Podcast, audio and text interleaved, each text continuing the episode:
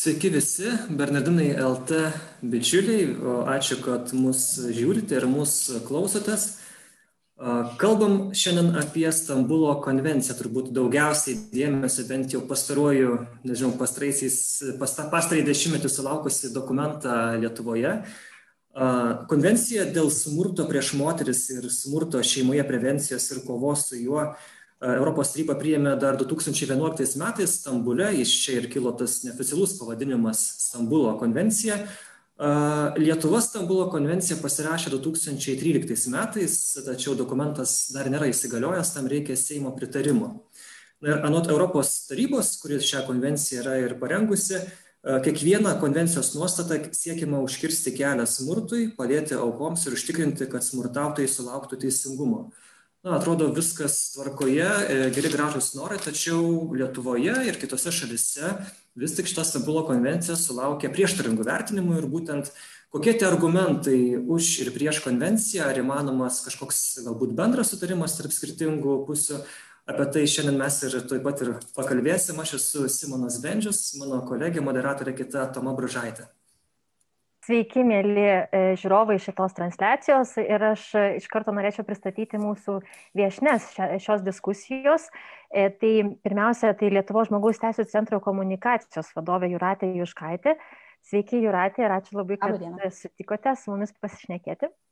Ir taip pat Nacionalinės šeimų ir tėvų asociacijos pirmininkė, teisė, teisininkė, daktarė Violeta Vasiliauskienė. Sveiki, Violeta. Sveiki. Taip pat labai ačiū, kad sutikote dalyvauti šitoje diskusijoje. Ir e, pradžioje, na, mes turim tą tokį klausimą apšilimui, e, tokį bendresnį.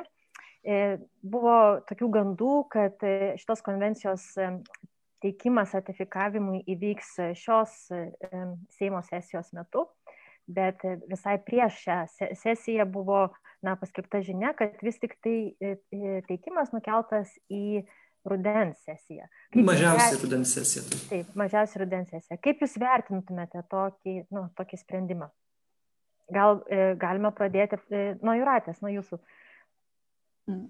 Tai tas sprendimas, jis toks, e, nesunku jį vienareikšmiškai vertinti. E, viena vertus e, viešoje erdvėje pasirodžiusi informacija ir jos na, kokybė, apimtis E, turbūt leido galvoti, kad e, diskusija apie Stambulo konvenciją, jos nuostatas ir kas iš tikrųjų tame dokumente yra parašyta, e, tikrai yra, na, net ne, gal, gal net nelabai įvykusi. Todėl viso, su visuomenė reikėtų diskutuoti ir susitarti ir, na, kalbėtis plačiau ir daugiau. Kita vertus, na, tų klausimų nukelinėjimas, kurie yra tokie šiuo atveju galbūt sukėlė ir kontroversijų, tai turbūt na, tos tai ne, klausimas, ar tai spręs, ar ne, ar mes, ar politikai šiuo atveju visuomenės veikėjai tikrai yra pasiryžę e, daryti tą diskusiją, kaip vakar įvardijo Seimo pirmininkė e, LRT radio laidoje dienos, e, LRT televizijos laidoje dienos tema. Tai čia iš tikrųjų aš turbūt būčiau sakiusi, kad, na, išspręskim, ar taip ar ne, na, parodykim vienokią arba kitokią valią o tas nukelimas e, belieka tikėtis, kad jis iš tikrųjų atneš tada kažkokių na, diskusijų, kur, kur matysis e, daug ir įvairių tos e, konvencijos kampų. Hmm. Mėla Violeta, kaip Jūs vertinat šitą sprendimą? Na, iš tikrųjų apie konvenciją turbūt pastarai, pastarai mėnesį sužinojo daug daugiau žmonių, negu kad anksčiau žinojo apie ją. Uh, Ir aš manau, kad tas laikotarpis, kuris na, bus iki rudens, jisai na, prasmingai būtų išnaudoti, tikrai diskutuoti giliai tais klausimais, apie kuriuos mes galbūt čia e, tik bendrais brožais paliesim, o iš tikrųjų giliau pasižiūrėti į smurto artimoje aplinkoje problemą, į tas klausimus, kuriuos keliame mes. E, na, oponuodami konvencijos ratifikavimui, iš tikrųjų, tai, va, manau, kad tą laiką tikrai tikimės išnaudoti prasmingai. Tai, va, tai sprendimo, aišku, vieniem norisi vienokio, kitiem kitokio. Klausimas, ar, ar mes dabar buvom pasiruošę įprimti, ar rudenį neturiu vieno atsakymo. Tai, va, tai tur, turbūt tiek šito klausimu. Ačiū labai. Tai mes su kolega Simonu ir kitais kolegomis spręsdami apie šitą diskusiją, na, savo išsikeliam tokį tikslą, kad būtent ir um, pabandyti iš tiesų pasikalbėti, kodėl taip arba kodėl ne šita konvencija ir galbūt įmanomas kažkoksai na, kompromisas arba kažkoks sutarimas judant toliau. Tai aš kvies, prašysiu dabar kolegą Simoną pristatyti na, mūsų tos va, diskusijos tokį formatą ir galbūt pradėti šitą diskusiją. Taip, gerai. Tai uh, formatas paprastas. Uh, mes turėsime tris argumentus už konvenciją ir tris argumentus prieš. Tai gerbama Violeta pasakys tris prieš, gerbama Juratė tris už. Tiesiog, na, tokia paprasta forma, kad vienas žmogus pasako, tarkim, argumentą už ir plačiau plačiau tai aptaria, tada gali oponentas replikuoti ir tada mes jau, na, uždarę tą vieną klausimą, tada einam prie kito jau argumentų priešingo. Ir taip tiesiog bandysim tuos po tris argumentus už ir prieš aptarti šitoje diskusijoje. Tai gal tada nežinau, gal Violeta, jūs paskutinę kalbėjote, gal nuo jūsų ir pradėkim, tai tiesiog tas pirmasis argumentas, jūsų manimo, kodėl vis tik nereikia ratifikuoti Lietuvai Stambulo konvencijos? Tai dėkui už galimybę e, pasakyti. Ne, pirmasis, turbūt jau ne vieną kartą minėtas argumentas yra tas ideologinės e, nuostatos, e, kurias mes randame Stambulo konvencijoje. Tai ta socialinės lyties savoka ir nediskriminavimas dėl socialinės lyties tapatybės. Angliškai naudojamas terminas, kurį mes čia svarstom, kaip iš tikrųjų reiktų išversti yra gender. Ir jeigu žiūrim iš šito termino kilmę iki, iki Stambulo konvencijos tarptautiniuose dokumentuose, jisai iš pradžių sutapo su biologinė lyties samprata, tačiau čia mes matom, kad šitas terminas jau na, pabrėžia tik tai vieną e, litiškumo aspektą, tai yra socialiai, socialinius, kultūrinius litiškumo aspektus. Ir iš tikrųjų tas, koks vat skirtumas, pavyzdžiui, palyginus su kitu tarptautiniu dokumentu, tai yra Romos tarptautinio baudžiamo teismo statutu, ten buvo aiškiai nurodoma, kad savoka lytis vartojama kalbant apie vyrus ir moteris. Tai yra tiek biologinė, tiek socialinė raiška šiuo atveju sutapo, o Stambulo konvencija šitą savoką apibrėžia tik iš dalies, tai yra pabrėžia būtent socialinius, kultūrinius lyties vaidmenis. Tai kodėl mes manom, kad tai yra pavojinga mūsų teisinėje sistemoje? Iš tikrųjų, tai yra skirtinga kitokia ideologija negu įtvirtinta mūsų teisės aktuose, tiek konstitucijoje, tiek civiliniam kodekse, ne, grindžiama prigimtinė litiškumo samprata. Konvencijoje šita samprata grindžiama daugiau socialinio konstruktyvizmo teorija. Kaip apibrėžiama šita lyties tapatybė?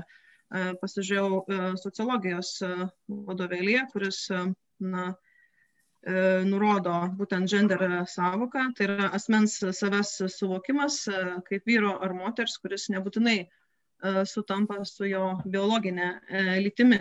Jūs turite omeny šitą lytinę arba lyties tapatybę, kuri yra taip pat Stambulo konvencija. Pati gender. Gender. Aha. Nes... Minti pačią gender, socialinės lyties savoką, dar be mhm. tapatybės, ar ne? Mm, kuris, vat, sakykime, apibrėžiamas, kad e, gender ir seks, ta prasme lytis ir, ir, ir ta socialinė lytis, jos nesutampa.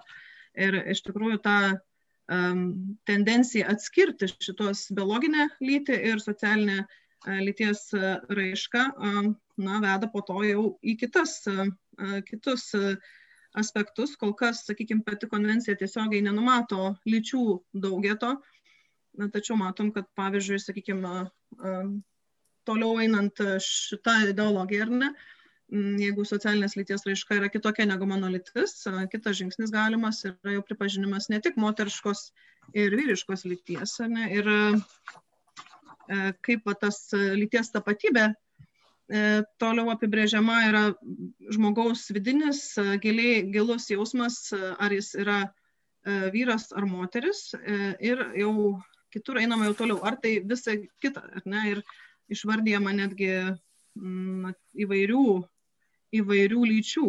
Ne, tai, va, tai tas tiesiogiai konvencijoje gal mes to nematom, ne, bet tas atskirimas biologinės ir socialinės lyties, jisai gali vesti ir į kitas lyties raiškas ir na, reikalauti to pripažinimo, ypač pagal nediskriminavimą šitą straipsnį.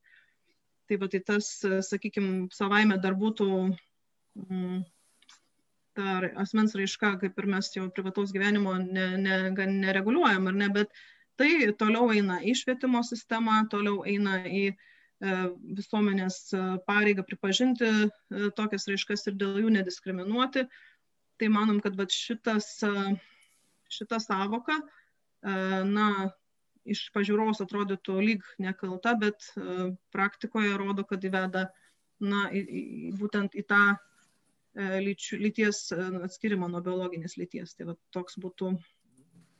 Stambulo konvencijos ketvirtos straipsnio trečias paragrafas jis rašo, jog um, už, siekime užtikrinti, kad šalis konvencijos nuostatas įgyvendintų be diskriminacijos dėl bet kokių priežasčių, na ir vardėma. Uh, įvairios, tarp jų yra ir biologinės ar socialinės lyties, lytinės tapatybės ir, ir viso kito. Tai čia, tais, na, ką gerbama Lietuvą turėjau omenyje.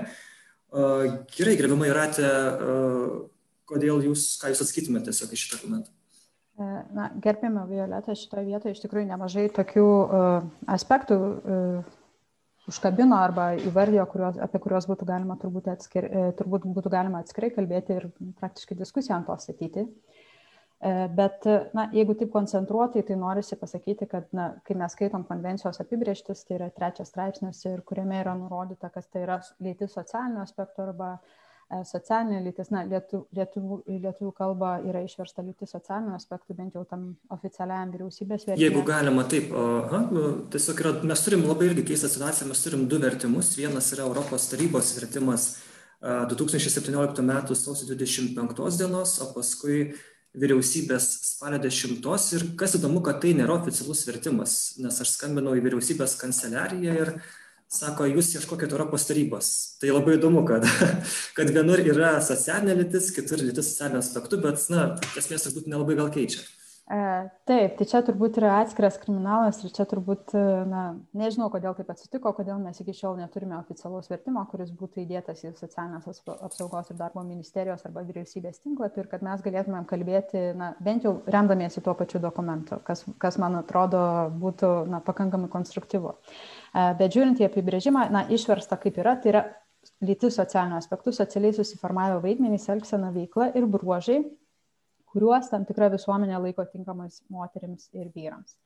E, kitu at, kit, kitaip tariant, e, mes kalbame apie e, bruožus, elgseną, kuriuos visuomenė laiko priimtinais vyram, vyrais, vyrams arba moteriams.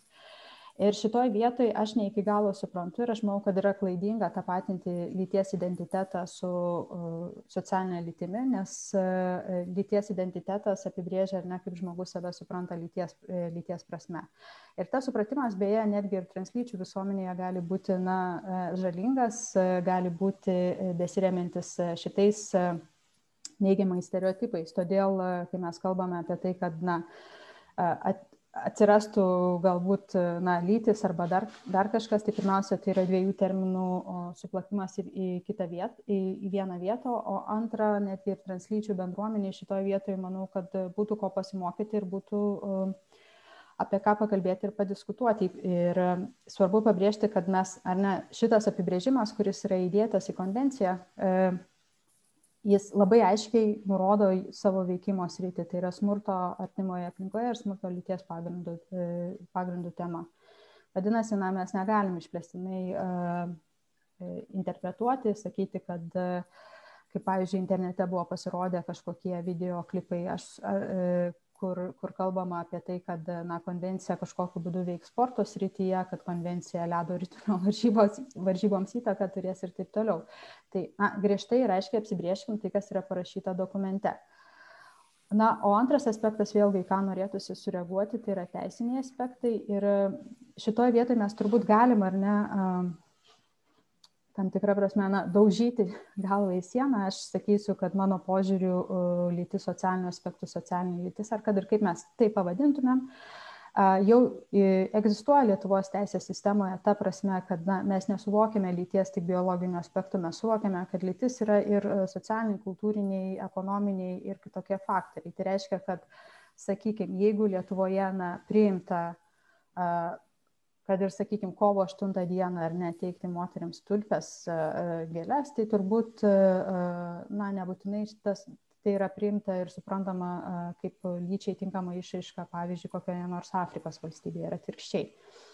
Ir mano požiūriu šitie aspektai jau yra, tai yra seniai yra Lietuvos tiek teisinėje sistemoje, tiek konstitucijoje, tiek daugelis tarptautinių sutarčių. Jeigu mes interpretuotumėm ir supra, skaitytumėm tekstą, tai turbūt ir Sydau konvencijoje rastumėm ir Pekino dokumentuose ir kitur. Bet ar mums čia verta kaltis Dėl šito turbūt ne. Nuo 2013 metų, kai konvencija buvo pasirašyta, šitas argumentas iš tikrųjų na, skambėjo viešoje erdvėje. Ir tikrai buvo ir Seimo narių, kurie pasisakė prieš Stambulo konvenciją. Ir šitoje vietoje norisi na, padėti tašką ir paklausti. Tai kodėl, na, gerbėmieji, tiesiog nebuvo kreiptasi į konstitucinį teismą išaiškinimu, kad mes kitaip mes stumdysim paklodę ar ne į vieną arba į kitą pusę.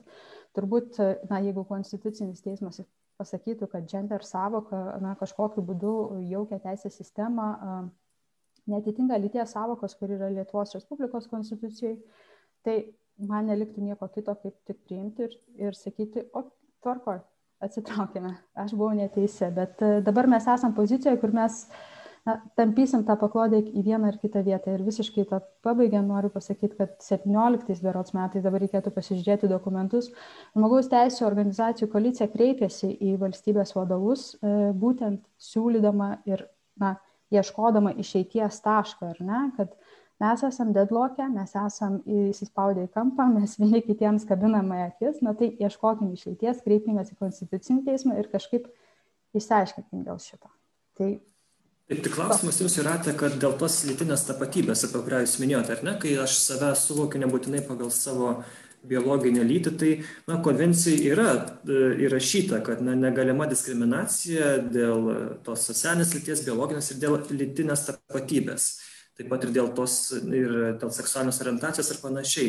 Tai kaip tai reiktų suprasti tada jūsų manimu šitą vietą, nes jeigu draudžiama diskriminacija dėl lytinės tapatybės, tai na, tada taip labai paprastai kalbant, ar tai na, netveria kelio tokiam dalykam, kad jeigu, tarkim, aš laikau save moterim arba, tarkim, ar atvirkščiai, tiesiog tada aš, na, jau žmogus kitas nebegalės e, to kritikuoti, to pasakyti, nes tai jau bus diskriminacija to žmogaus atžvilgiu.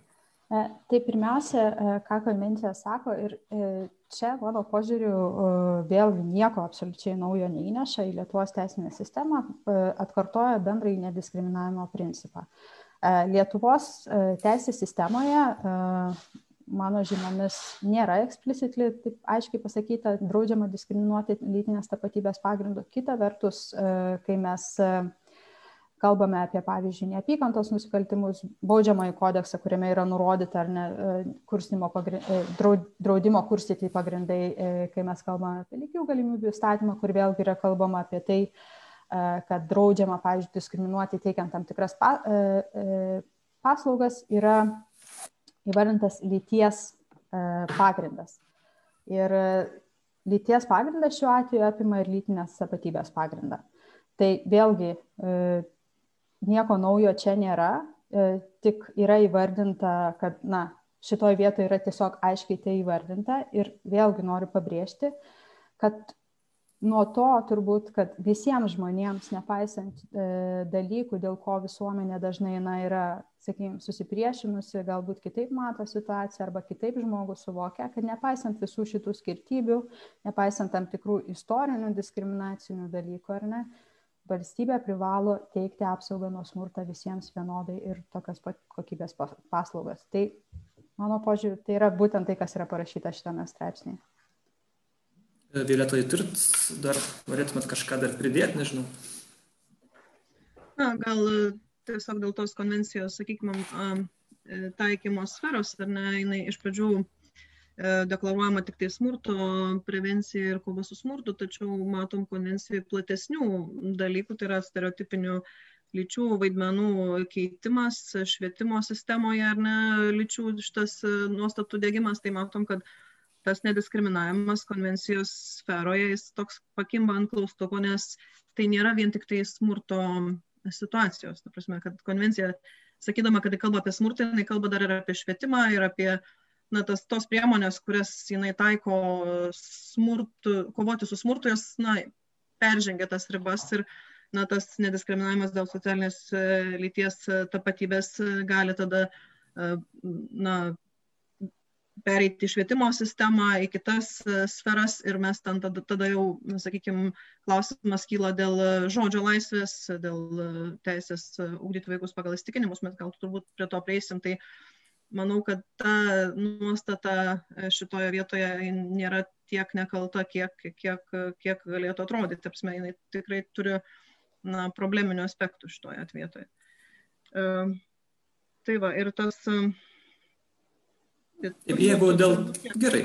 Mes prie kitų, prie kitų dar argumentų tikrai prieisime. E, aš tik tai, e, gerbiamas Violetas, tikriausiai norėčiau dar paklausti, kadangi mes išsiaiškinome šitame etape, kad turime du skirtingus vertimus būtent to termino, kuris e, kelia nemažai diskusijų, socialinės lyties, kitame tokiam pataisytame vertime, kuris nėra, dėja dar kol kas nėra oficialus, bet jame yra terminas lytis socialiniu aspektu.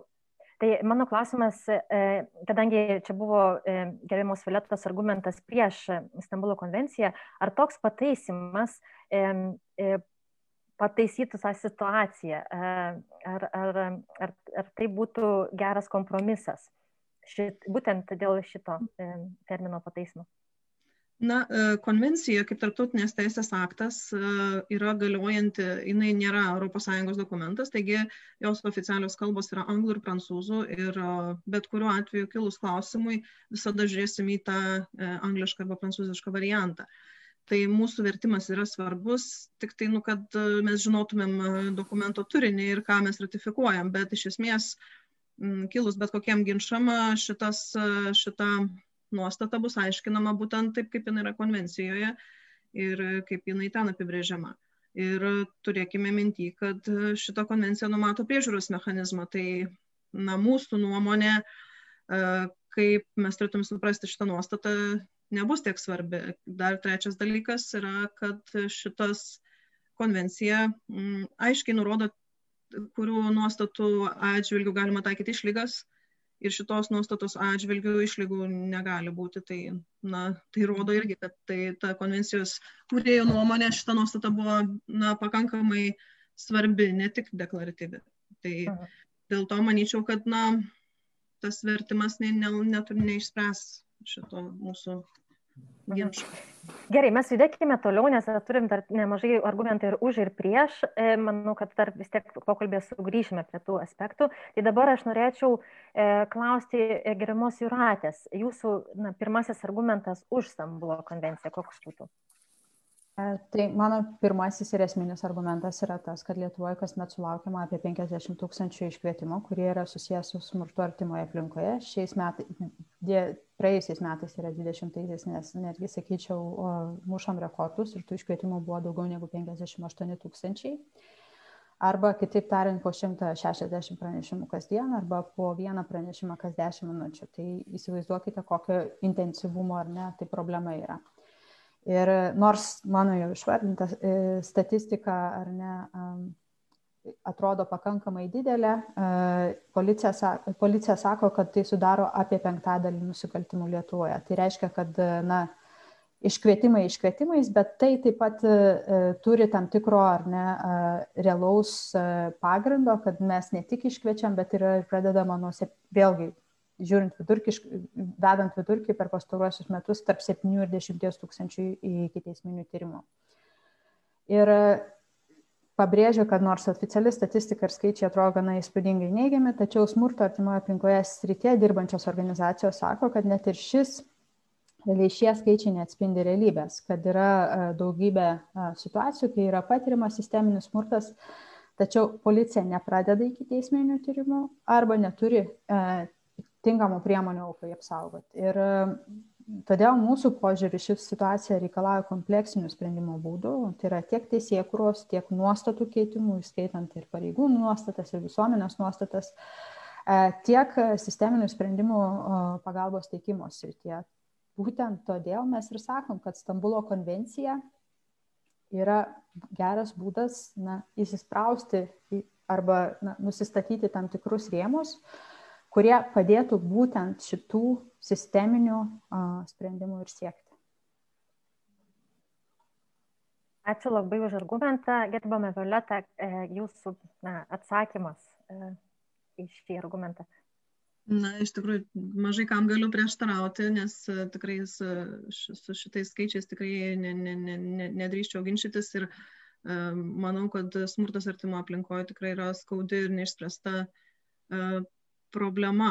Tik man kyla abejonių, ar pati konvencija yra visiškai, sakykime, tinkamas instrumentas ir ar tinkamai atspindi šitą problemą. Nežinau, ar galėčiau, ta prasme, tad mano čia būtų toks kontrargumentas, kur aš matau tokius, sakykime, klaustukus dėl smurto prieš moteris traktavimo. Tai nežinau, ar čia, nes tada jau tiesiog būtų jau mano keletas argumentų galėčiau. Gal paskui tada. Mhm. Tai gal tik, Jūratės, gal tik vieną klausimą norėčiau užduoti. Yra, na, sako kiti oponentai, kad na, Lietuvos įstatymuose jau yra baudžiamasis kodeksas, draudžiamas smurtas prieš bet ką, prieš bet kokį žmogų, bet vis tik to nepakanka, kaip aš suprantu. Na, šitoje vietoje mes susidurime su, su šita problema. Ne viena vertus mes turim ir turbūt gerbiamą Violetą, kai kalbėjo apie savokas, apie smurtą apibrėžimą, tai turbūt tą ir turėjome ir, ir iš kurios pozicijos mes ateinam. Viena vertus, ar ne, mes turim visus, na, visus įstatymus, net jeigu ir tai būtų, ar ne dėl ko aš tikrai ginčius, na, esu linkusi ginčytis ir vėliau pateiksiu ir na, pavyzdžius. E, bet problema yra, kad egzistuojant įstatymui ar ne, arba tam pačiam smurto artimoje aplinkoje įstatymui konkrečiai, e, jis na, neapsaugo e, nuo disproporciškai smarkiai patiriamo smurto moterų tarpe. Tai yra, kad iš tų tarp 7 ir 10 tūkstančių pridedamų iki teisminių tyrimų, apie 80 procentų sudaro na, aukos nukentėjai asmenys yra moteris. Ir apie Ir kai mes kalbam ar ne apie tuos kitus 20 procentų, tai taip, tai yra dažniausiai vyrai, bet tai yra dažniausiai vyrai, kurie nenukenčia, nukenčia ne nuo kitų moterų, o nuo kitų vyrų. Tai mes matom labai aiškę disproporciją lyties, per lyties pjūvį ir todėl ir sakome, kad viena vertus ar ne, na, tie neutralūs įstatymai yra svarbus ir reikalingi, kita vertus jie turi spręsti labai aiškės e, diskriminacijos, o, o smurtas yra aukščiausia diskriminacijos forma, e, neligumus ir problemas. Ir būtent iš šitos perspektyvos e, Stambulo konvencija ir ateina. Aš taip pat turiu vieną klausimą susijusi būtent su šituo argumentu. Jūs sakėte, e, gerbiamą Juratę, kad na, reikia, trūksta e, įstatymų, trūksta kažkokios tam tikros krypties. Mano klausimas, e, į kurį dar vis negirdžiu atsakymo, ar, ar tikrai Stambulo konvencija reikalinga tom problemomis, kad mes išspręstam tas problemas. Kuo, kuo ji padės būtent užpildyti šias spragas? Hmm. E, aš nežinau, čia yra vienas iš mano argumentų. Gerai, galim tada. Rašyti, tai... Taip, tada antras argumentas už galim fiksuoti. Gerai. Tai galim ir, galiu aš jį aiškiai išsakyti to. Tai yra, kad Na, mes vieną vertus kalbam nuo 13 metų, nes 13 metais yra uh, pasirašyta Stambulo konvencija, tai padarė buvęs užsienio reikalų ministras Linkevičius ir nuo tų turbūt, kai kai tik pasirašėm konvenciją, iš tikrųjų mes viešoje erdvėje girdėjom tą argumentą, kad na, nieko netrūksta, konvencija nieko naujo netneša į mūsų, į mūsų uh, pagalbos nuo smurto artimoje aplinkoje ir smurto lyties pagrindų sistemą. Uh, ir aš dėl to labai, uh, na, drįščiau tikrai labai stipriai suabejoti, nes pirmiausia, mes tų naujovių yra tiek teisėkuros, tiek, tiek pagalbos teikimo, tiek kitose srityse. Ir kai mes kalbam, jau labai konkrečiai kalbant, tai yra, pavyzdžiui, Lietuvoje iki šiol yra nekriminalizuotas persekiojimas, e, galioja pasenę seksualinio smurto apibrėžimai, e, taip pat pagalba asmenims nukentėjusiems nuo smurto sistemiškai yra teikiama tik tiems, kas šį smurtą patyrė artimoje aplinkoje. Ir šitos klausimus mes keliam tikrai ne, ne vienerius metus, tikrai yra na, prirašyta raštų raštelių ir, ir kreipimuose ir įvairių viešųjų akcijų, bet e, esminių kažkokių proveržių mes neturim. Tai yra, mes vis dar na, stovim tų 50 tūkstančių maždaug iškvietimų skalėje kasmet ir tas skaičius nejuda nei į vieną, nei į kitą pusę. Todėl norisi pasakyti, kad vis dėlto konvencija, kodėl žmogaus teisų organizacijos ir ypač smurtos rytyje dirbančios, smurto prieš moteris ir smurto artimo aplinkoje dirbančios organizacijos sako, kad reikia ratifikuoti konvenciją. Tam, kad mes turėtumėm kažkokį formalų mechanizmą, kur būtų galima keičiantis valdžioms ir keičiantis valdančiosiam daugumom, na, parodyti pirštu į valstybės prisimtus įsipareigojimus ir sakyti, žiūrėkit, seksualinis smurtas yra problema. Mes, tu, mes įsipareigojame sukurti sistemą, kuri padėtų žmonėms nukentėjusiems nuo seksualinio smurto ir jie nebūtų, kaip dabar yra, siuntinėjami per dešimt institucijų, retraumatizuojami ir taip toliau. Ir tai galioja visiems kitiems, na, kitiems konvencijos aspektams. Dėl to norisi na, turėti tam tikrą na, programą, tam tikrą prasme, vieną, vieną vertus, o kitą ir ponė gerbiama Violeta taip pat paminėjo apie tarptautinę priežiūrą. Tai yra kaip daugelį konvencijų, prie kurių mes esam prisijungę, e, egzistuoja tam tikri priežiūros mechanizmai, kur šalis yra vertinama, kas tam tikrą laiką jai pateikiamos pastabos. Na ir tokiu tokios, tokio viešo vertinimo būdu yra matuojama pažanga ir, ir valstybės kovos su smurtu artimoje aplinkoje lyties pagrindų efektyvumas. Labai ačiū. E, kadangi čia yra vienas iš argumentų už e, Stambulo konvenciją, tai dabar eilė būtų Violetai galbūt atsakyti į, į būtent šitą argumentą, kad konvencija padėtų įpareigoti pirmiausia politikus tęsti tam tikras, na, vykdyti, gyveninti tam tikras priemonės būtent smurto prevencijos ir, ir, ir kovos su juo sritise. Na, e, iš tikrųjų, tas, tas privertimas, jisai, na, tarptautinė sutartį pasirašus būtų, bet, kaip minėjau, dar aš minėsiu ir kitus aspektus, e, konvencijos e, pačios kitos, e, kitos nuostatos, sakykime, kelia daugiau e, na, problemų ir tos pačios vat, nusikaltimus, sakykime, apibrėžiančios nuostatos, na, jos ne visada yra tikslios ir, ir, ir, ir tiksliai apibrėžtos. Tai manau, kad na, niekas naujai valdžiai netrukdo na, būtent vat, imtis proveržio šitoje srityje, toks, na, botago principas šitas, na, nebūtinai turėtų veikti, kai mes turime, na, žmonės, kurie siekia pokyčių žmogaus teisų srityje. Tai e, dėl konkrečių e, nuostatų, tai aš norėčiau pa, paminėti persekiojimo e, nusikaltimą. Tai e, policijos, kai buvo e, siekiama įtvirtinti šito nusikaltimo apibrėžimą ar ne baudžiamajam kodekse, policijos uh, departamento išvada buvo tokia, kad e, šitas e, nusikaltimas patenka ir tikrai gali būti kriminalizuojamas po psichologinio smurto e, savoka. Iš esmės šita baudžiamoji nusikaltimo sudėtis apima persekiojimo nusikaltimą. Esmė yra ne pačio baudžiamo kodekso apibrėžime, bet jo, jo taikyme. Tai tiesiog tas nusikaltimas galėtų būti po šituo straipsnių taikomas ir, ir plačiau, plačiau pritaikomas. E, dėl e, vertinimo tarptautinių institucijų teko girdėti Grevijo požiūrį į Austrijos sistemą. Austrijos sistema iš tikrųjų yra pagrista prevenciniu modeliu, kuo, kuo labiau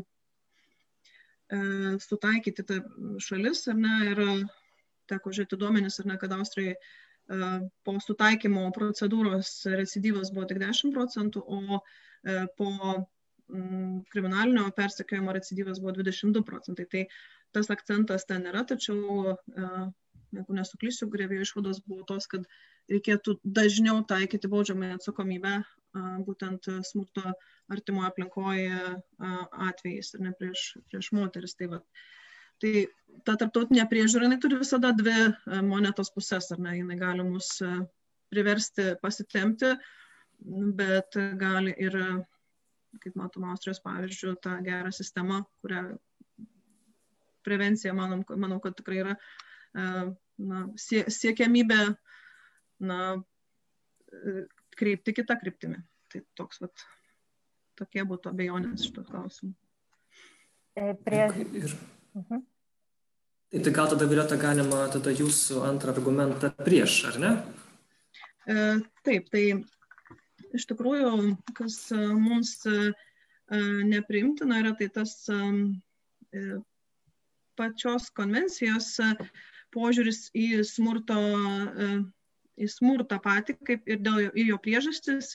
E, ir, na, kaip jisai aiškinamas, iš tikrųjų, kad vat, mes galim jausti tą ideologinę e, jos, na, e, poziciją jau preambulėje, kuri įvardyja, kad smurtas prieš moteris yra istoriškai susikloščiusių neligių vyrų ir moterų galių santykių išraiška E, kuri lėmė vyrų dominavimą moterų atžvilgių bei moterų diskriminavimą ir užkirto kelią visavertai moterų e, pažangai. Ir antraja šalia sekanti e, dalis preambulės yra tai, kad pripažinamos, jog struktūrinių požiūrių smurtas prieš moteris ir smurtas dėl lyties. Ir kad smurtas prieš moteris yra vienas iš mechanizmų, dėl kurių moteris atsiduria priklausomai padėtyje. Tai iš tikrųjų yra gana nors konvencija neigia stereotipus, tai gana stereotipiškas e, požiūris ir e, iš tikrųjų tiek tarptautiniai dokumentai, tiek e, na, nacionaliniai tyrimai rodo, kad smurto priežastis yra daug platesnės. Na, pati, pats konvencijos fokusas tik į moterų patiriamą smurtą, galbūt statistiškai jis yra pagrystas, bet na, klausimas, kiek ta statistika atskleidžia vyrų patiriamą smurtą ar galų gale vaikų patiriamą smurtą. Ir, ir na, 18 metais, sakykime, atliktas lygių galimybių kontrolieriaus tyrimas dėl lyčių stereotipų parodė, kad na, vyrai, vyrai irgi patiria smurtą artimo aplinkoje ir daug greičiau kreipiasi pagalbos, nes tai iš tikrųjų yra stigma kreiptis vyrui pagalbos ar ne dėl smurto e, artimoje aplinkoje ir e, na, paklausus e, respondentų, ar jie mano, kad moteris gauna pagalbą, tai visiškai arba iš dalies sutiko apie 70 procentų respondentų, tuo tarpu vyrų atveju tų visiškai arba iš dalies sutinkančių buvo tik tais apie, apie 50 procentų tai dar, ir dar mažiau. Tai, va, tai matom, kad na, tas vienos lyties išskyrimas, jisai kaip ir lyg atrodytų pagrystas, bet po to, na, e, slepiasi iš tikrųjų ta tokia diskriminacija ir, na, tas, tas vyrų smurtas, yra, smurtas prieš vyrus yra daug labiau latentinis ir, ir, ir neatskleistas. E, ir dėl smurto e, priežasčių, tai jos, kaip minėjau, ir tarptautinėse dokumentuose nurodoma, kad viena pavienė priežastis negali būti pakankama aiškinant smurto prieš moteris reiškinį, kai konvencija pagrindinę mm, priežastimi nurodo moters lytį. E, šituose tyrimuose nurodoma, kad e, ne visavertiškumo jausmas, socialinis statusas, prasta ekonominė padėtis, e, vyro alkoholizmas, nesutarimai šeimoje, nemokėjimas spręsti konstruktyviai konfliktų, vaikų auklėjimo problemos, nuolatiniai moterų priekaištai, nedarbas ir skurdas. Tai e, šita konvencijos prielaida, kad smurtas prieš moteris yra tik iš esmės dėl jų lyties, na, lemia ir prevencinių priemonių, na, kurias jinai išvardyja, iš tikrųjų išvardyja uh, stereotipinių lyčių vaidmenų keitimą, išvardyja na, šitų nestereotipinių lyčių vaidmenų uh, dėgymą į mokyklas,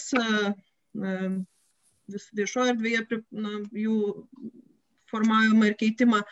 Matom, kad kita, kitom priežastim yra daug mažiau skiriama dėmesio, mm, kaip, kaip jas pašalinti. Tai tiesiog toks ta pradinė neteisinga prielaida, manau, kad paskui lemia ir jos kitas, kitų nuostatų išdėstymą. Tai va, to, toks, toks gal būtų mm, tas argumentas prieš. Dėkui Jums, Violeta. Jūratė, ką atsakytumėt? Na, vėlgi reikėtų nemažai argumentų buvo išsakyta ir nemažai dalykų, apie kuriuos būtų galima plačiai diskutuoti, bet e, gal pirmiausia pasakysiu tiek ir manau, kad čia tikrai sutiksime, kad e, e, tos priemonės, kurios yra numatytos konvencijoje ir apie kurias mes na, kalbėjome, apie persiekiojimą, seksualinio smurto pagalbos sistemą, apie pagalba nuo smurto ne tik artimoje aplinkoje, šios visos priemonės apima ir vyrus, ir moteris. Tai yra, jos būtų taikomos visoms lytims nepriklausomai e, nuo to, e, nuo, nuo šito aspekto. Tai e, tą, manau, yra svarbu pabrėžti, bet taip, konvencija kalba apie tai, kad tiksliau pripažįsta ir įvardė, kad egzistuoja smurtas lyties pagrindu. Ir aiškindama um, smurtą lyties pagrindu, kaip apibrėžimą, pasako uh, du dalykus. Uh, kad tai yra smurtas, kurį moteris patiria dėl lyties. Na, tai pavyzdžiui, matyt, mažai bus nesutinkančių, kad tai galėtų būti įžaginimai. Ir taip pat smurtą, kurį patiria moteris disproporciškai daug. Tai yra, na, vėlgi mūsų turima statistika būtent tai rodo. Ir taip pat atliepiant tai, ką gerbama Violeta pasakė, iš tikrųjų konvencija kalba ne tik apie stereotipinius moter, na, vyrų vaidmenis ir, ir vyrų ir moterų vaidmenis tiesiogiai, kas yra susijęs su smurtu, bet ir apie vyriškumo bei moteriškumo normų kaitą, kurios leistų ir na, tiem patiems vyrams ar ne, nepozicionuoti, nesuprasti savęs, kad jie turi būti tik stiprus, turi savo emocijas laikyti uh, savyje, e, kad jie negali ieškoti pagalbos, e, kad jie negali kreiptis, jeigu patyrė smurtą arba na, kitokios formos neteisybę. Ir kai mes kalbam ar ne apie tuos stereotipinių lyčių vaidmenis, tai mes būtent apie tai ir kalbame, kad na, visos emocijos visoms e, dviems lytims, kurios yra pabrėži dvi įvardintos konvencijoje, kad tos normos turi keistis ir kad mūsų visuomenė bus sveikesnė tada, kai e, tos normos atlaisvės ir kai mes suprasime, kad mes esame visi žmonės ir e, kad, na, šiuo atveju tos patriarchalizmo liekanos, kurių, me, kurių mes pastebime visuomenėje, jos nėra nei saugotinos, nei brangintinos, o jų atsikračius e, sumažėtų ir smurto artimoje aplinkoje lygis. O ar jūs nežvelgite, Juratė, vėlgi kai kurie kritikai sako, jog šita konvencija tam tikra prasme na taip a priori įvardyja, kad vyras būtinai bus ta um, linkusi labiau smurtauti lytis, o moteris kaip ir, na, tas silpnesnioji lytis. Ir vėl toks naujas stereotipas, tartum toks savotiškas moters orumo pažeminimas. Na, čia ne mano žodžiai, čia kai kurių kritikų. Kaip jums atrodo? Na, aš gal pasakyčiau taip, kad diskriminacinių nuostatų naikinimas, kas ir kaip tos na, diskriminacijos nuostatos paskui konvertuojasi į smurtą į, ir į kitas gyvenimo sritis. Mes matom lyčių neligybės apraiškų Lietuvos visuomenėje tikrai labai daug. E, tai e, to įvardymas ir, ir pasakymas, kad tai turėtų būti keičiama, kad, kad nėra normalu, kad moteris Lietuvoje uždirba 13 procentų vidutiniškai mažiau negu vyrai, arba kad e, moteris išimtinai turi teisę naudotis na, emocinę pagalbą e, psichologais, kad moteris na, turėtų likti namų sferoje, e, kad, kad tai yra stereotipai ir kai kuriais atvejais tai yra konvertuojasi diskriminacinės nuostatas, o kai kuriais atvejais į nusikaltimus, apie kuriuos mes šiandien kalbame, aš ne, nelaikyčiau to diskriminaciją, tai yra situacijos įvardymas. Apie stereotipus mes dar su tom užduosim klausimą pabaigoje, nebent e, gal bus vienas, nežinau, iš argumentų už arba prieš, Bet gal tada pabaikim pirmiausia tuos argumentus, tai gal Juratė, koks būtų gal jūsų trečias argumentas už konvenciją? Na, pasakyčiau taip, kad dabartinis diskursas apie smurtą artimoje aplinkoje yra smarkiai sukoncentruotas į policiją ir policinės priemonės. Ir iš tikrųjų 2011 metais įsigaliojus smurto artimoje aplinkoje įstatymui, toks smurtas pripažintas svarbiu nusikaltimu. Tai yra policijai pareigota savarankiškai pradėti kiteisminius tyrimus. E, nebereikalingas e, na, nukentėjusio asmens pareiškimas. Ir tas įstatymas, įstatymo prieimas leido pamatyti tą epideminį problemos mastą. Tačiau mano argumentas yra ir žmogaus teisų organizacijos sako, kad pamatę tą mastą mes čia ir sustojame. Tai yra toliau skiriame resursus policiniams priemonėms, tačiau nesimame spręsti problemos iš esmės, kas pirmiausia ir padėtų mažinti smurto artimo aplinkoje skaičiu, skaičius. Tai yra visų lygių švietimas ir edukacija apie lyčių lygybę, kito asmens kūno neliečiamumą, nesmurtinius konfliktų sprendimo tarp asmeniniuose santykiuose būdus, ką nurodo konvencija. Ir, ir manau, kad šitoj vietoj tai yra ypač svarbus akcentas, nes vėlgi remiantis statistiką mes matome, kad mažiausiai 40 procentų šalies gyventojų yra linkę kaltinti aukas dėl patiriamo smurto, todėl mums reikia na, tokio esminio pokyčio, esminio proveržio iš susikoncentravimo į policiją, į smurtautojų persekiojimą, į, į na, tokių, sakykime, jau labai tokių griežtų ir policinių priemonių ėmimas, į susikoncentravimą į kovą su, su priežastimis, bet ne pasiekmėmis.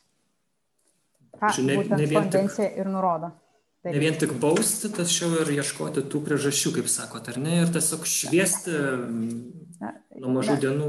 Ar... Ap, apibendrinant gal, gal galima pasakyti taip, kad e, jeigu mes nieko nedarysim, o mes kol kas tikrai nieko nedarome, tai tie skaičiai, na, jie savaime nekis.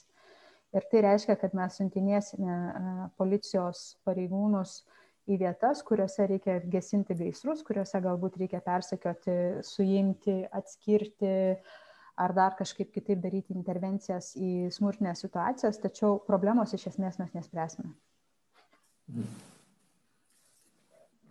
Violeta, tada ką jūs atsakytumėte ir tada galbūt jūsų jau tas trečiasis argumentas prieš koks būtų.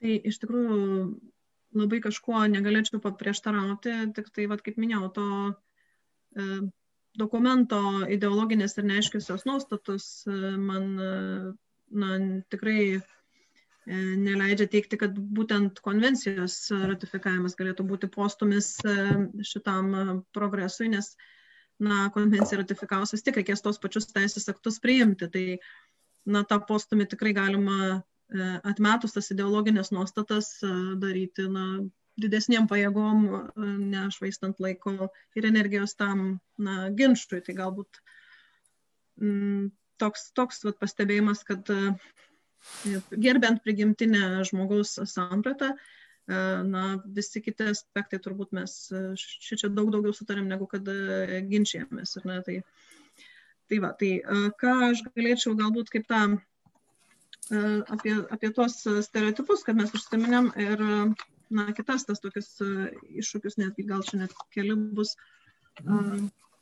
Tai man, sakykime, klausimas iškyla, kas nuspręs, kas bus tie stereotipai. Ir, ne, ir konvencija yra gana kategoriška šituo atveju. Jis sako, kad e, būtinai turi būti skatinami socialinių, kultūrinių moterų ir vyrų elgsenos modelių pokyčiai. Na, čia neišskiriama, ar geri tie modeliai, ar blogi, ar jie įprasti toje visuomenėje, ar ne. Prasme, ta nuostata yra tikrai pakankamai e, bendra. E, siekdamos panaikinti prietarus, papročius, tradicijas ir visą kitą praktiką, na, dalis, su kuria mes tikrai sutinkam, tai yra grindžiamus žemesnės moterų padėties idėja, e, bet grindžiamus stereotipiniais moterų ir vyrų vaidmenimis, tai iš karto a priori, na, tas, ta dalis man sako, čia 12 straipsnio pirma dalis, kad stereotipiniai, bet kokie stereotipiniai moterų ir vyrų vaidmenys yra e, netinkami.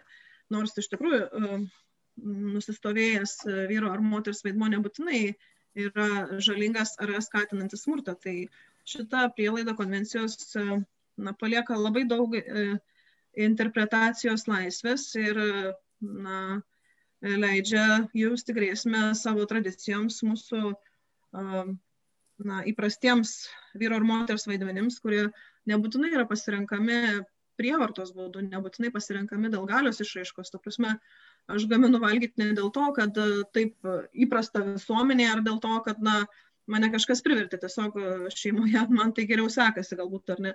Ir toks kategoriškas ir na, apibendrintas pasakymas, na, kelia labai daug klausimų, tuo labiau, kad tai yra teisės aktas, tai nėra gairės, tai nėra na, kažkokia tai rekomendacija. E, ir, ir, ir iš tikrųjų daug vien šituo straipsniu remintis gali būti siekiama pakeisti visą vis, na, visuomenėje susiformavusi vyro ir moters supratimą, kas na, tikrai gali būti palenkta ideologiškai. Na ir tas pats, tas pats rizika yra ir švietimo mm, srityje, ne, kad besimokančiųjų, na, oficialiai visų švietimo lygių mokymo programą taip pat turi būti traukiami nestereotipiniai lyčių vaidmenys, kas, na, ekstremaliu atveju yra jau buvo bandyta Lietuvoje darželinukams pasakoti, kad berniukas gali būti mergaitė, o mergaitė berniuku, nes tai yra nestereotipinis vaidmuo, kas to amžiaus laikotarpiu iš tikrųjų yra netgi žalinga, nes vaikas jis tik pradeda suprasti save kaip vienos ar kitos lyties ir to, toliau tęsiant irgi paauglystėje, sakykime, pristatyti tuos nestereotipinius lyčių vaidmenis labai priklauso nuo E, to turinio, kaip jis yra pateikiamas ir tai gali daryti didelę žalą e, jaunimui, ypač e, vaikams, kurie turi kažkokių problemų, kurios gali dar pagilėti būtent dėl šitų, jeigu jis neranda savo tapatumo. Tai, tai tas tikrai, na, atrodytų vienas, vienas sakinys, bet jisai turi daug, daug labai rizikų savyje ir manau, kad Mm, manau, kad tos konvencijos nuostatos tikrai kelia daug nerimo ir mm, vėlgi, kaip minėjau, tai nepriklausys vien tik nuo mūsų, e, nuo mūsų valios, nepriklausys vien tik tais nuo mūsų e, valdžios institucijų, kurios irgi keičiasi, sakykime, ir kels klausimą dėl tėvų teisės auklėti vaikus pagal savo stikinimus, jeigu jie nori sakyti, kad berniukai yra, berniukai yra berniukai ar ne, ir mm, na, taip, taip sukūrė Dievas, ar ne, tai kur čia tėvų teisė lieka ir ta tarptautinė institucija, kaip, koks bus jos požiūris. Tai, tai, va, tai šitie, šitos nuostatos na, labai kelia mums daug nerimų ir klausimų. Taigi, e, iš tiesų, irgi labai daug aspektų palėtėme ir stereotipai, ir tėvų teisė auklėti savo vaikus apie įsitikinimus, e, tradiciniai stereotipai, netradiciniai stereotipai. E, Tai e, gerbiama Juratė, ką Jūs atsakytumėte iš tiesų e, konvencijos kritikams, kurie čia mato, na, tokią pavojų ir nerimą kelia šitie dalykai? Tai aš e, vėl norisi man grįžti prie to apibrėžimo, kad nestereotipiniai lyčių vaidmenys, pirmiausia, jie yra suvokiami smurto ir smurto pateisinančių normų kontekste. Ir e, taip pat aš na, noriu grįžti ir, ir priminti ir sakyti, kad lyties identitetas ir nestereotipiniai lyčių vaidmenys e, tai yra du skirtingi dalykai ir kad netgi tie žmonės, kurie turi e, na, kitokį lyties identitetą negu dauguma arba e, vadinam ir yra translyčiai, tai jie lygiai taip pat gali turėti e, problemų, įsitikinimų, normus apie e, tradicinius stereotipinius, e, tradicinės stereotipinės lyčių normas ir gali visiškai tam, jomis vadovautis. Tai šiuo atveju tai yra du skirtingi dalykai ir, ir nors aš pati na, tikrai esu už trans asmenų teisės, už jų galimybės įgyvendinti savo lytinę tapatybę, dėja tiesiog reikia, pak, tenka pakartoti, kad na, šita konvencija na, to neužtikrina ir tai nėra tas dokumentas, kuris, kuris spręstų translyčių diskriminavimo, neprieimimo ir tikrai labai didelio, didelio marginalizavimo Lietuvos visuomenėje problemą. O kalbant apie konvencijos taikymą, tai na, vėlgi reikia turbūt priminti arba norisi pasakyti, kad konvencija na, nėra tiesioginio taikymo dokumentas. Tai reiškia, kad jeigu yra na, parašyta tokia eilutė, e, tai akivaizdu, kad e, programos e, švietimo turinys, tai yra diskusijų objektas ir diskusijų objektas, kas, kas būtų įtraukta, apie ką būtų kalbama, dėl ko Lietuvos visuomeniai galėtumėm susitarti, dėl ko ne. Ir šitoj vietoj gal visai neblogas netgi pavyzdys būtų 2016 m. litiškumo ūkdymo ir rengimo šeimai programa, kai iš tikrųjų na, susidūrė labai skirtingų požiūrių organizacijos, labai skirtingo įsivaizdavimo, kas yra kokybiškas lytiškumo ūkdymas, bet vis dėlto kažkokį kompromisą mes na, sugebėjom rasti. Aš kažkaip tikiu, kad šitoj vietoj mes gebėtumėm rasti kompromisus ir čia. Turite omeny, būtent kai tas klausimas, kas nustatys, kokie tie prietarai paprašy tradicijos yra naikintini, tai čia reikėtų skirtingų pusių suėjimo ir tokio bendro, nežinau, bendrų gairių nubrėžimo. Tai bet kokiu atveju, na, kas tai yra, kaip tai įgyvendinama, metodologijos, kokios metodinės priemonės ar ne, na, tai yra uh, jau švietimo sistemos, sistemoje veikiančių žmonių darbas. Ir vėlgi na, yra pasiūloma programa ir skirtingos tiek tėvų organizacijos, tiek matyti žmogaus teisų organizacijos, tiek uh, E, specialistai e, šitos ryties vėlgi dalyvautų diskusijoje ir faktas, kad e, Lietuvos konstitucija aiškiai įvardė, kad tėvai turi teisę auklėti savo vaikus pagal savo įsitikinimus. Kita vertus, mes turim ar ne ir, ir tarptautinėse sudartyse ir toj pačioj konstitucijoje vardinta, kad mokiniai, vaikai turi teisę į mokslą ir į kokybišką mokslą. Tai uh, vėlgi ar ne yra šitų dviejų nuostatų derinimasis, kalbėjimas ir diskusijos klausimas. Dar vienas gal dalykas, čia turbūt labai susijęs su ta tėvų teisė auklėti vaikus pagal savo įsitikinimus ir ypač religinius įsitikinimus. 12 straipsnio penktas paragrafas rašo, jog šalis užtikrina, kad kultūra, papročiai, religija, tradicijos ir vadinamoji garbė nebūtų laikomi bet kokių smurto veiksmų įtrauktų į šios konvencijos taikymo sritį pateisinimu. Vėlgi, religija, kaip ir turime religijos laisvės principą Lietuvoje ir kaip dabar čia būtų, jeigu, tarkim, kažkas štai išvelgtų, kad tam tikros krikščioniškos nuostatos, kurios yra brangios krikščionėms ir tėvams ir vaikams, kad jos netitinka to nediskriminavimo principo ar kad štai jos čia kažkuria prasme yra na, galinčios kelti vienokį ar kitokį smurtą? E, tai turbūt pirmiausia, skaitydama šitą uh, straipsnio penktą dalį, aš, šis, aš būčiau linkusi manyti, kad ir nebūčiau linkus manyti, bet tiksliau uh, esu įsitikinusi, kad pirmiausia, tai yra uh, truputėlį kitiems kontekstams skirtas uh, straipsnis. Uh, ir čia yra aiškiai įvardinta, kad tradicijos ar vadinamoji garbė nebūtų laikomi bet kokių smurtinių veiksmų įtrauktų į šios konvencijos taikymos rytį pateisinimu. E, tai mes e, iki šiol, e, na, konvencijos Europos tarybos šalis, kurios ir sukūrė šitą konvenciją, kai kuriuose šalyse iš tikrųjų yra garb, iki šiol vykdomi garbės nusikaltimai, iki šiol yra vykdomi nuotokų grobimai, ir panašus dalykai. Kita vertus, jeigu kalbėtumėm apie mūsų kontekstą, tai matyt visi sutiksime, kad tradicijos ir papročiai, kurie pateisina arba skatina smurtą, na, mums jie nėra nei, nei reikalingi, nei priimtini. Ir matyt, ar tai būtų moterų ar vyrų gyvybės, jos yra šiuo atveju svarbesnės negu uh, tokių tradicijų ir papročių išsaugojimas. Nors aš kaip žmogus saugęs uh, katalikiškoje šeimoje, tai man sunku būtų, pavyzdžiui, katalikų tikyboje rasti na, na tokių pateisinimo dalykų. Galbūt aš nesu pakankamai susipažinus, tai e, šitos būtų man sunku, būtų man sunku įvardinti, ar yra kas nors iš tikrųjų tokio šitoje religijoje, kas, na, kur susikirstų konstitucinė e, religijos laisvė ir kur susikirstų E, konstitucinė žmogaus teisė būti apsaugotam nuo diskriminacijos ir smurto. E, Šioje vietoje man toks klausimas kyla, vat, būtent apie tą pateisinimą.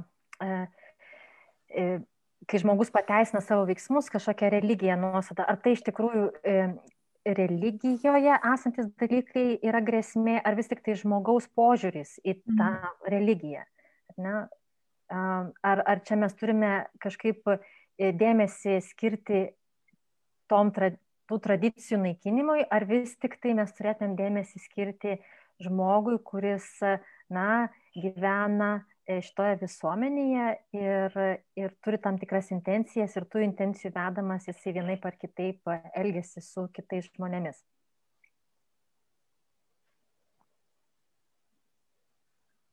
Nežinau, čia, ar čia man yra adresuotas klausimas.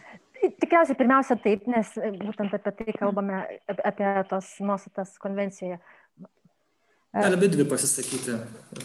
Vėlgi, aš gal tiesiog grįšiu prie to aspekto, kad e, aš galbūt kažko nežinau apie religiją, apie Lietuvoje dominuojančią religiją, kuri kažkaip na, teisintų tuos smurtinius santykius. Arba, Aš galiu garantuoti, kad tikrai neteisina ir smerkia. Tai...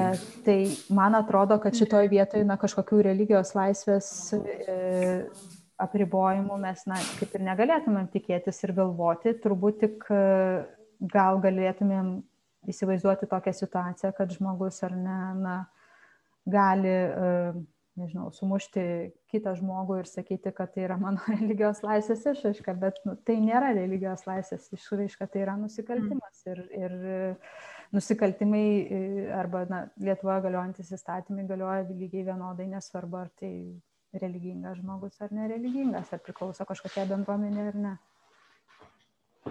Na, iš tikrųjų, čia šitoje vietoje turbūt religijoje mes tikrai nerasim tų pateisinimų.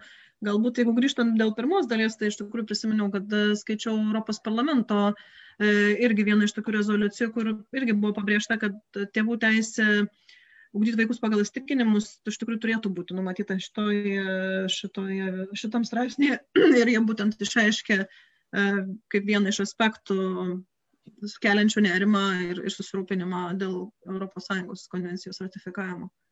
Tai va, vienas iš tokių buvo irgi pabrėžta, tai na, galbūt čia to nerimo šiek tiek galim, galim turėti. Ne?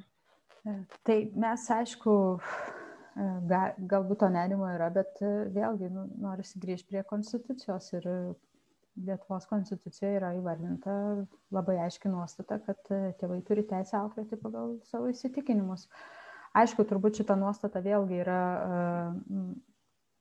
eina na, su sveiko proto ir proporcingumo kriterijais, nes e, turbūt atsirastų tėvų, kurie galbūt e, na, norėtų auklėti savo vaikus e, smurtinių kažkokių normų arba, pavyzdžiui, neleisti vaikus į mokyklą, į bendrojo lavinimo ar ne mokyklą, kur tada jau susikerta vaiko interesai gauti įsilavinimą ir, ir galėti funkcionuoti šitoje visuomenėje arba bet kurioje kitoje 21 amžiaus visuomenėje.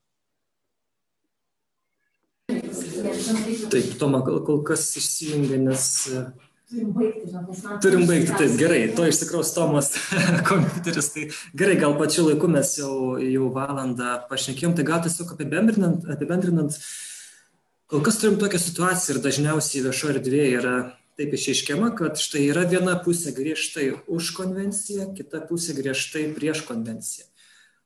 Bet ar įmanoma, ir klausimas jums abiems, ar įmanomas toks scenarijus kad štai susėda abidvi pusės skirtingos e, įvairios žmogaus teisių organizacijos šeimų e, organizacijos nežinau ta, tos pačios religinės bendruomenės kartu ir vat, kaip ir siūlo ar ne Seimo pirmininkė diskutuoja kartu ieško kas Taip, diskutuoja, kas, e, kas, kas gali būti, ko, ko, ko negali būti, tiesiog ir priimti kažkokio bendro sutarimo, bendro sprendimo, jūsų manimo. Tai iš tikrųjų dėl smurto artimoje aplinkoje ir smurto prieš moteris mes manau, kad bendro sprendimo galime iškoti, tačiau uh, nemanau, kad Stambulo konvencija yra tinkamas įrankis uh, šitam dėl mano minėtų priežasčių. Tuo labiau, kad tarptautinė tendencija rodo šitos gender ideologijos ar ne įvairias aspektus, kurie tikrai mūsų, ne, mūsų nedžiugina, o neramina. Tai uh, manau kad diskusija yra būtina bet e, nemanau kad šito dokumento mums, mums kaip valstybei reikia. Jūratė, ar įmanoma, tarkim, ar sutiktumėt, kad, tarkim, nebūtų priimta konvencija, tačiau daug gerų dalykų, kurie yra to konvencijai surašyti, jie būtų kažkokiais kitais būdais priimti Lietuvos teisės aktuose? Na, nu, žinot, ta konvencija tai nėra panacėja ir nėra kažkoks dokumentas, kur, kur dabar jis nusileis iš Europos tarybos į Lietuvą, mes jį ratifikuosim ir išspręsim ir viskas pasidarys puiku ir mes tų 55 tūkstančių ar 58 tūkstančių skambučių per metus neturėsim. A, tai Tai čia yra faktas, bet aš manau, kad šita diskusija ir toks, na, kaktomušas susidūrimas e, sako vieną, arba tiksliau, e, na, bent jau žvelgiant iš mūsų pozicijos sako vieną. Mes turėjom, na, aštuonerius metus, e, per kuriuos turėjom, na, ilgo, ilgą laiką perkelti tas konvencijos nuostatas. Ir praktiškai niekas na, nebuvo padaryta ir tie sprendimai, dėl kurių mes galėtumėm galbūt labai ir nesiginčyti arba kurios, kurie manytumėm, kad būtų naudingi, e, jie Lietuvos teisės sistemoje neatsidūrė. Todėl e, manau, kad egzistuoja toks na, labai aiškus didelis pasitikėjimo Lietuvos valstybės norų spręsti šitą problemą deficitas. Ir todėl e, matyti to ar tikrai reikėtų atsitraukti ir ar tikrai eiti tuo keliu, kur mes e, perkeliam kažkokią teisės normą po teisės normos į Lietuvos sistemą, tai matytume, nėra pakankamai pasitikėjimo Lietuvos norų spręsti problemą šitą. Ir ar, ir ar pavyktų na, kažkaip e, su, suderinti šitas pozicijas, turbūt e, rodys ateinančių diskusijų ir ateinančių įsipareigojimų uh, ir uh, nuoširdumas ir, ir tai, kaip mes, na, kaip tai vyks, pasakyčiau taip. taip. Gerai. Ačiū Jums. Tai tiek šį kartą, tai tikėkime, kad tas na, dialogas iki įmanomas ir tos diskusijos vyks. Tai buvo su mumis šiandien Lietuvo žmogaus teisų centro komunikacijos vadovė Juratė Juškaitė, taip pat nacionalinės šeimų ir tėvų asociacijos pirmininkė, e, teisininkė daktarė Violeta Vasiliauskinė. Ačiū Jums abiejoms. Ačiū, Ačiū Jums labai. Visa. Ir aš buvau Simonas Bendžius ir Tomo Buržaitė. Taip, ačiū Jums visiems, kad žiūrėjote mus ir labai tikimės, kad e, ši diskusija prisidės prie sutarimo ir judėjimo link kažkokio bendro sprendimo. Ačiū Jums.